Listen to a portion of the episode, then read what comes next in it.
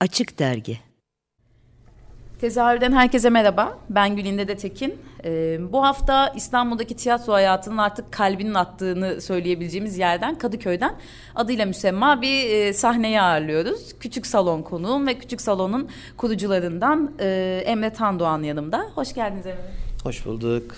Ee, Kadıköy'ün böyle Bahariye'nin ara sokaklarında bir salonunuz var dediğimiz gibi adıyla müsemma ama Buraya gelmeden önce ben biraz Emre Tandoğan'ın yaptıklarından bahsetmek istiyorum. Ee, Elif Hanım'la burayı kurmadan önce, küçük salona gelmeden önce neler yapıldı? Çünkü kabaca bir baktığımız zaman hani e, internetteki geçmişinize baktığımız zaman bile e, ciddi bir yurt dışı geçmişi var. Kukla tiyatrosu var, uzak doğu tiyatrosu var. Yani oldukça perspektifi geniş bir tiyatro anlayışınız var. O, burayı da ayak tutabilmek için öyle bir şey gerekiyor aslında bence. Biraz onlardan bahsedebilir miyiz? Ben e, ilk başta e, geçmişte aslında müzik yaparak sahne sanatları ile ilgilenmeye başladım. E, müzisyenlik geçmişimle birlikte e, Ankara'daydım o dönemlerde. E, çeşitli etnik müzikler üzerine araştırmalar yapıyordum. Caz üzerine araştırmalar yapıyordum. Etnik caz e, yapmak en büyük e, hedeflerimden biriydi. Derken e, oyun müzikleri yapmamı rica ettiler benden. Öylelikle tiyatroya doğru bir adım atmış oldum.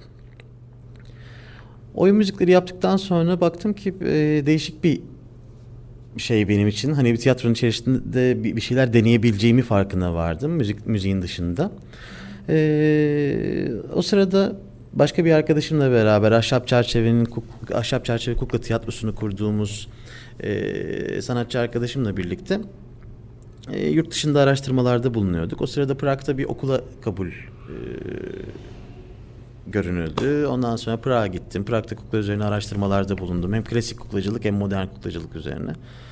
E, orada çeşitli tiyatrolarda çalıştım. Bunlar yine e, klasik yaklaşımlı tiyatrolarda oldu. Bir de e, esas benim çok ilgi alanım olan e, dış mekanları, mekanı da kullanarak e, oyunlar yapan e, kalabalık bir ekiple bir proje çıkarttım.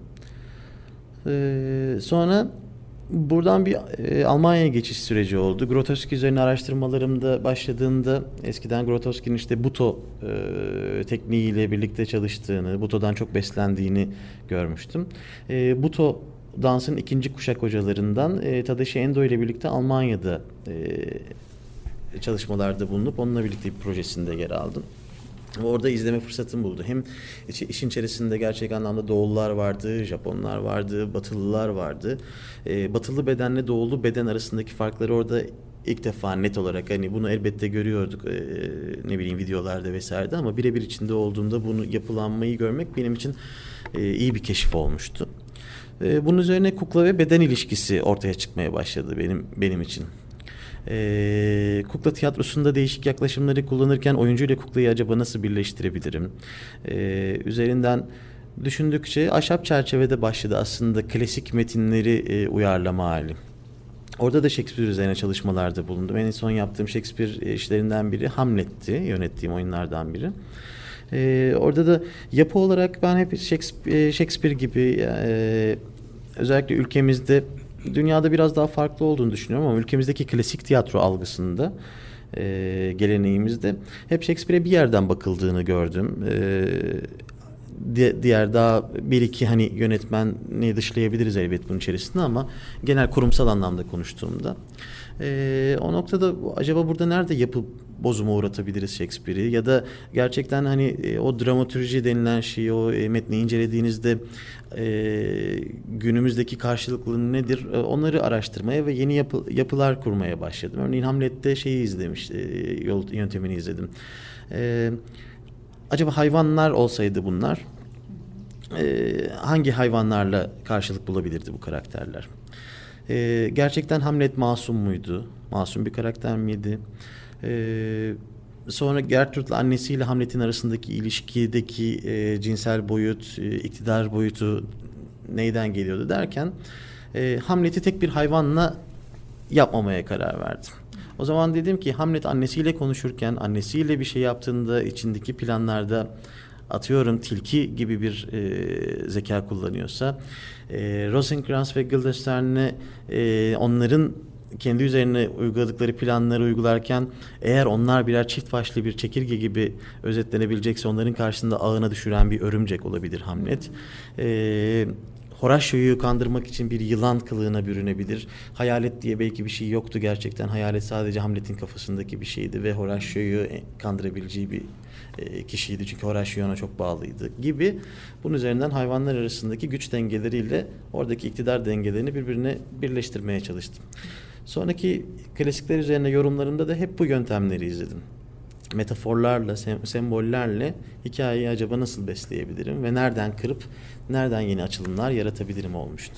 E, bu uyarlamadaki e, kıvraklığı mı diyeyim salonda fazlasıyla görüyoruz tabii. Çünkü şimdi küçük salona da gelirsek e, gelmeyen dinleyiciler için de söyleyelim gerçekten küçük. Yani maksimum 40 kişilik bir kapasiteniz var yanlış bilmiyorsam ve e, sahne arkası yerin altında, yerin altından bir kapakla kullanıyorsunuz bu ilişkiyi. Ben çok yaratıcı buluyorum ayrıca o kullanımlarınızı.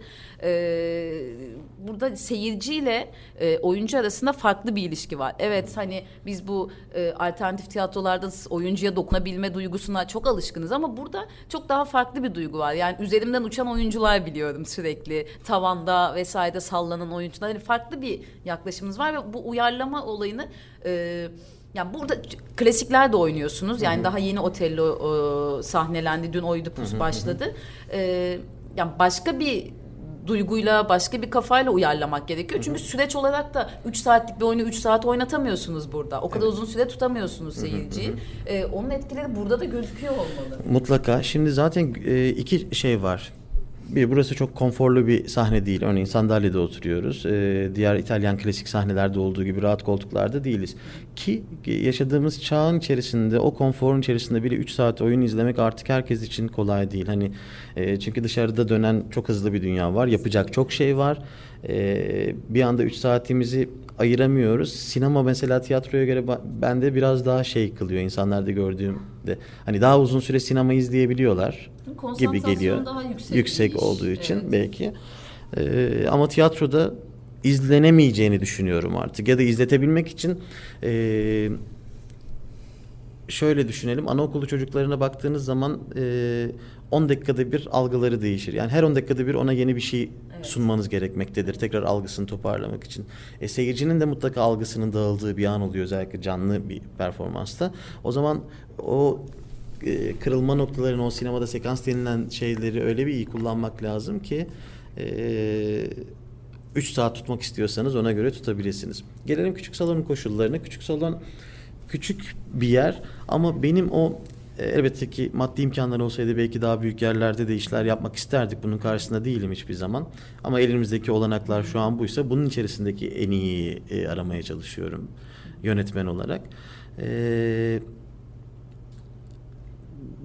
bu bunları birer dezavantajdan ziyade her zaman avantaja dönüştürmeye Benim çalışıyorum. Benim en çok e, rastladığım durum bu. Yani hiçbir zaman burada bir şey dezavantaj yani benim çünkü ilk bu sahneye geldiğimde yerin altında bir e, sahne arkası olmasının çok dezavantaj olacağını düşünmüştüm ama bu hiç öyle hissettirmedi mesela bana. O çok ilginç. O da şeyde kurguyu yaparken mekanı e, işin içerisine kattığınızda mekan da oyuncu gibi oyunun bir parçası olduğu anda o zaman seyirci için bu hem e, ne demek lazım inandırıcı mı oluyor, keyif verici mi oluyor onun için onu orada görmek ya da tepelerde oyuncuyu görmek. Hı hı. Nerede nasıl kullanacağınızla alakalı.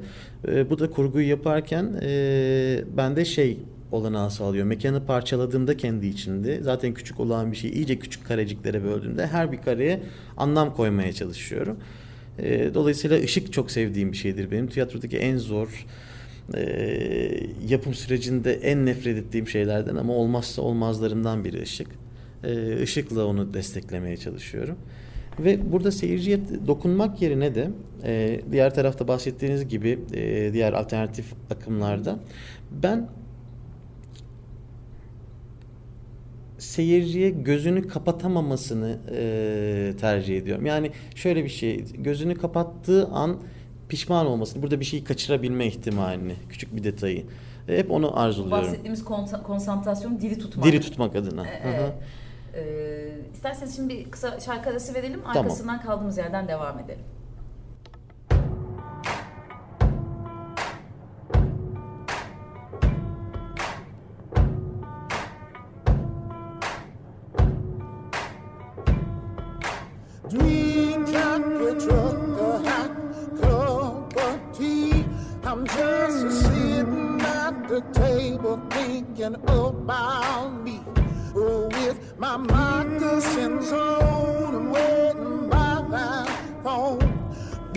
my half-past eyes like a tearless drone. I am the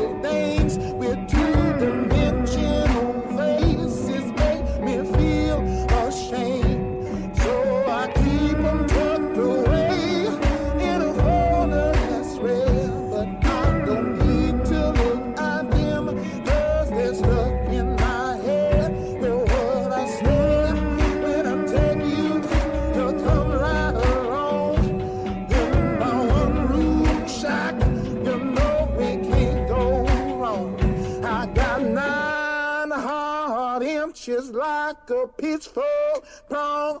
So, honey, lift up your dress and help me sing this song.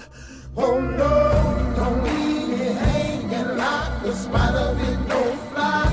Cause I'll be banging on the walls, girls, I'm too dry to fly. Oh,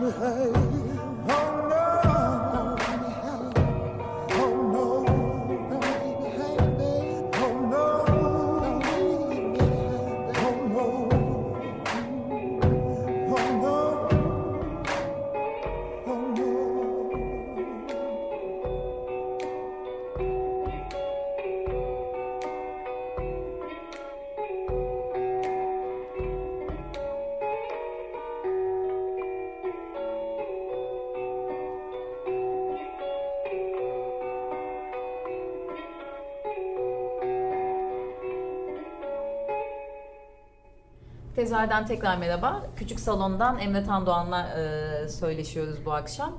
E, küçük Salon'daki uyarlamalarla ilgili konuştuk. Çünkü bu mekanın gerektirdiği üzerine, gerçi gerektirdiği üzerine demeyelim, sizin de tercih ettiğiniz bir Aynen öyle. dili burada uyarlamaya, uyarlamaya çalışıyoruz diyebiliriz. E, sezondan biraz bahsedelim isterseniz. Bu sezon iki yeni oyunla girdik biz. E, bir tanesi Otello. Ee, e, işin aslına baktığınız zaman e, devlet tiyatrolarında e, Shakespeare'in hani e, ilgili çıkan başlangıç sezon başındaki sorunlardan e, şey de iyi de oldu. Yola çıkış noktamızda böyle bir şey yoktu aslında Haziran'da provalara başladığımızda. E, iyi ki de olmuş diyoruz Otello.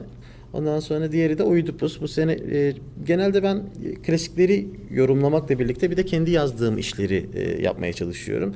Kendi yazdıklarım klasik yorumlardan biraz daha farklı oluyor. Orada Deccal sizin oyununuzdu Evet. değil mi? Mesela en çok konuşulan oyunlarınızdan biri bir, Deccal. bir tanesi Evet. Deccal. E, daha avantgard yaklaşıyorum şeylerde kendi işlerimde. E, çünkü hani tiyatronun değişimlerini onlarda daha net e, şey yapabiliyorum, arayabiliyorum. Daha özgürce arayabiliyorum. Böleceğim ama mesela Deccal başka bir mekanda oynanan, Evet. 7 aydı mekan, O- aynen. odada geçen bir oyundu. E, salonun dışına çıkmak var mı gene planlarınızda? Var, Tekrar var. konuları Kesinlikle var. Bu benim ama. ilk e, e, salonun dışına çıkışım değil. Daha öncesinde kilisede e, yaptığım Notre Dame'ın kamburu vardı. Kuklalarla yapmıştım. E, Fransa'da Louvre Müzesi'nin bahçesinde de oynamıştı. E, sonrasında e, mekan dışı yani tiyatro mekanının dışındaki mekanları kullanmak her zaman kafamda olan bir şey. Bu sadece e, biraz maddi güçle alakalı olarak belirlenebiliyor. Çünkü tiyatronun içerisinde bile çok maliyetliyken dışarıya çıktığınızda maliyetler 2-3 katına çıkabiliyor. Ama yapacağız gündemimizde var. Tekrar sezona dönüp dönersek. Sezona dönersek ikinci oyunumuz Oidipus. Ee, Oidipus'ta da farklı bir yorum bekliyor seyirciyi. Ee, benim de ilk yaptığım tragedi oyunu. Ee, klasiğin Heyecanlı. dışında evet e, benim için de bir ilkti. Ee, çok keyif aldım yaparken tragediyi çünkü e, enteresan bir yapısalı var. Orada koro kavramını e, üzerine oynayıp koroyu acaba nasıl yapabilirim derken bir karga sürüsüne dönüştürdüm. Yani olan lanetleri, işte ölüleri leş olarak tanımlarsak onların başındaki bir karga sürüsü olarak koroyu şimdiki toplumun üzerimizdeki baskısıyla özdeşleştirmeye çalıştım diyebilirim kısaca. Onun haricinde e, çocuk tiyatrosunu hiçbir zaman e, bırakmadık. Çocuklar için de oyunlar yapıyoruz. Solo adlı bir e, performansım var. Sözsüz. Clown ve kukla ilişkisi üzerine sezonun kurulu. Bu sezon e, geçtiğimiz sezonun sonunda çıkarmıştık. Bu sezonun işi diyebiliriz. Bu sezon boyu oynayacak hem bu sahnede oynayacak kendi sahnemizde hem de dışarıda e, organizasyonlar oldukça dışarıdaki sahnelerde de olacak. Peki e, kukla tiyatrosu sizin zaten öyle kalbinizin büyük bir kısmını kaplayan e, tiyatro. Hı hı. E, daha önceki senelerde festivalde e, siz de bulunuyordunuz yanlış Tabii ki, bilmiyorum. tabii ki. Bu seneki festivalde ama siz yoktunuz değil mi? Yokuz. Ee, nedeni de şu. e, bu sene yetiş ben kuklaya giriş noktamdaki en büyük hedefim yetişkinlere kukla izletmek oldu. Çocuklara zaten evet kukla yapılıyor her zaman. Alışkanlık da çok fazla. Ee, festivalde çocuk oyunuyla bir senenin haricinde yer almadık. Ee, bu sene de yetişkin oyunu yapmadığım için e, elimde de eski oyunlar olduğu için hı, anladım. yeni bir oyun olmayınca da e, girmek istemedim festival. Çünkü festival için her sene yeni bir oyunla girerdik biz. Evet. Ben de Ee, baktım programda ama göremeyince böyle O bir da dedim. a- ahşap çerçeveden gelen bir gelenekti. Küçük salon bir kere oynadı festival, kukla festivalde. Romeo and Juliet'i yapmıştı kukla. Onu oynadı Ee, ama ahşap çerçeve her sene oynamıştı. Ee, Otello'ya bir dönmek istiyorum. Ee, mesela Otello'da yani farklı bir gene hani söylediğimiz gibi yorum var ama e, çoğu dört tane karakteri galiba bir kadın bedeninde toplamak mesela beni çok etkiledi. Ee, oradan çıkış noktanız neydi? Oradaki çıkış noktam e, oradaki ana karakter yani sona döndüğümüzde Emilia karakteri Yago'nun karısı olması üzerinden bir e, kadın net bir kadın figürüne e, ihtiyaç duyuyordum. E, diğerlerinde aslında onu da netlemek bir şey üzerinden Yago'nun dünyasında bilinçaltında gidip gelmeler yaşadığımız için ve Yago'nun e, hapsedildiği bir ortamda e, her şey onun kafasındaki halüsinasyonlarla olup bittiğinde bir yandan da o kadını yerdeki bir şey gibi taş parçası gibi e, olma yerden bir parça olarak kalkıyor düşüyor çünkü onun tek ilişkisi yere kalkması ya da Düşmesi, düştüğü düşmesi evet. düştüğü an ortadan e, öyle bir karakter yoktu. Ee, Yani Lukiye de oldukça başarılı. Evet, evet kesin, kesinlikle, kesinlikle. Ee, sözsüz olması çok zor bir performans. Evet. Hiçbir söz kullanmaması, o şeyler karakterden karaktere Evet. geçmesi ve sonunda sadece Desdemona hani öldükten sonra Konuşuyor. konuşmaya başlaması o da Yago'nun hani kendini ele vermesiyle olarak bir şey yapıyor, bütünleşiyordu. Ee, Şeye de değinebiliriz belki. Mesela e, gerçi kendisi gelemedi ama Elif Hanım e, kostümü ve sahne tasarımlarını Şimdi yapıyor kesinlikle. Elif Arman. E, E, e, Elif e, ile beraber biz küçük salonu kurduk. E, Elif'le tanışmamızda ahşap çerçevede e, iken ben e, ilk defa onunla birlikte Deccal'de e, yer almıştı. Sonra onunla be- beraber bir kukla oyunu yaptık. Dona Rosita bir Lorca oyunu yapmıştık e, ikimiz. Sonra ahşap çerçevede kendi içerisinde bir dağılma sürecine gittikten sonra ne yaparız derken küçük salonu kurduk Elif'le birlikte. Elif aslında bir oyuncu. Ee, Anadolu Konservatuarı mezunu, Eskişehir mezunu. Ee, fakat inanılmaz bir şekilde şeye yatkınlığı da var tasarıma, e, kostüme, kukla tasarımına hatta. Ee, o yüzden de küçük salonun bütün şeylerini, e, görsel o sah- sahnenin görsel tasarımları onun elinden geçiyor. Onu da anmış olalım burada.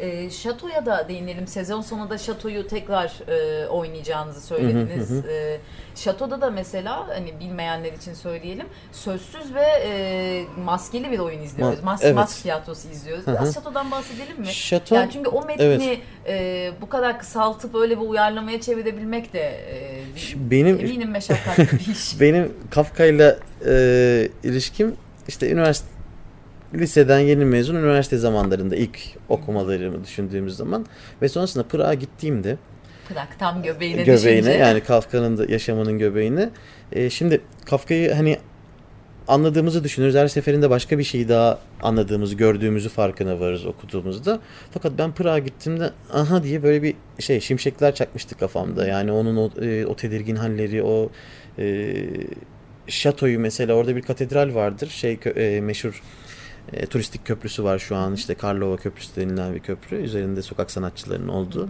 Onun başından doğru baktığınızda tepede büyük bir katedral görürsünüz. O katedral hani gerçekten bir şatoyu temsilize edebilir. E, derken ben Kaf, e, Kafka'nın romanlarında hani bir romandan yola çıkabilirdik. Haneke'nin Şato filmini yaptığı gibi tamamen şatodan beslenen. Bense şatoyu bir başlık olarak kullanıp Kafka'nın e, se- kullandığı sembolleri içerisine Biraz yerleştirmeyi Kafka'yı, e, ön plana çıkartan bir şey oldu. Kafka'nın e, ve hayatının bir hayat özeti gibi bir gibi şeydi. gibi evet. bir şeydi. Ee, o noktada bütün Kafka kendi romanlarının hepsinde de var olduğuna inandığım için e, baş karakter olarak da o yüzden de o şato başlığını kullanmak dönem itibariyle de çok uygundu. E, Şeyde siyasal yap- yapıdır. E, şatoyu koyduğumuz yer Evet. olarak. E, o noktada şatoyu oynamak istiyoruz yine. Politik gündemden de çok uzak kalmayan işler izliyoruz aslında. İzliyoruz. Aynen aynen politik gündemde yani Otello e, ge- gerçekten baktığınızda kadın cinayetleri, kıskançlık, toplumdaki e, o ahlak baskısı onların hepsini sembolize ediyor. Sonradan öğrendim ki Otello marka yastıklar falan varmış. Bilmiyorum duydunuz mu? Hayır. Şey, çok enteresan yani normalde hikayede yastıkla boğar ya evet, Desdemona'yı. evet, bayağı. Otello hani bunlar psikolojide sendromları da olan ama Otello marka yastık çok yaratıcı geldi bana. Neyin kafası diye sana evet, sormak istiyor gerçekten. İlginç. Ee, aslında süremizin de biraz sonuna geldik. Ee, kısa bir program tabii. Daha konuşulacak çok şey var aslında Mutlaka. ama e, sizin eklemek istediğiniz bir şey var mıdır benim unuttuğum? Ee, Benim bu sene e, dediğim gibi Otello Oidipus oynamaya devam edecek. Tarihleri küçüksalon.com'dan e, görebilirler ya da e, Instagram hesaplarından takip edebilirler Küçük Salon'u. Bekleriz. O zaman çok teşekkür ediyorum geldiğiniz için. Teşekkür Dinleyicilere de mutlaka e, Kadıköy'e ki artık ka- bütün tiyatrolar Kadıköy'de olduğu için indiklerine eminim izlemek isterim.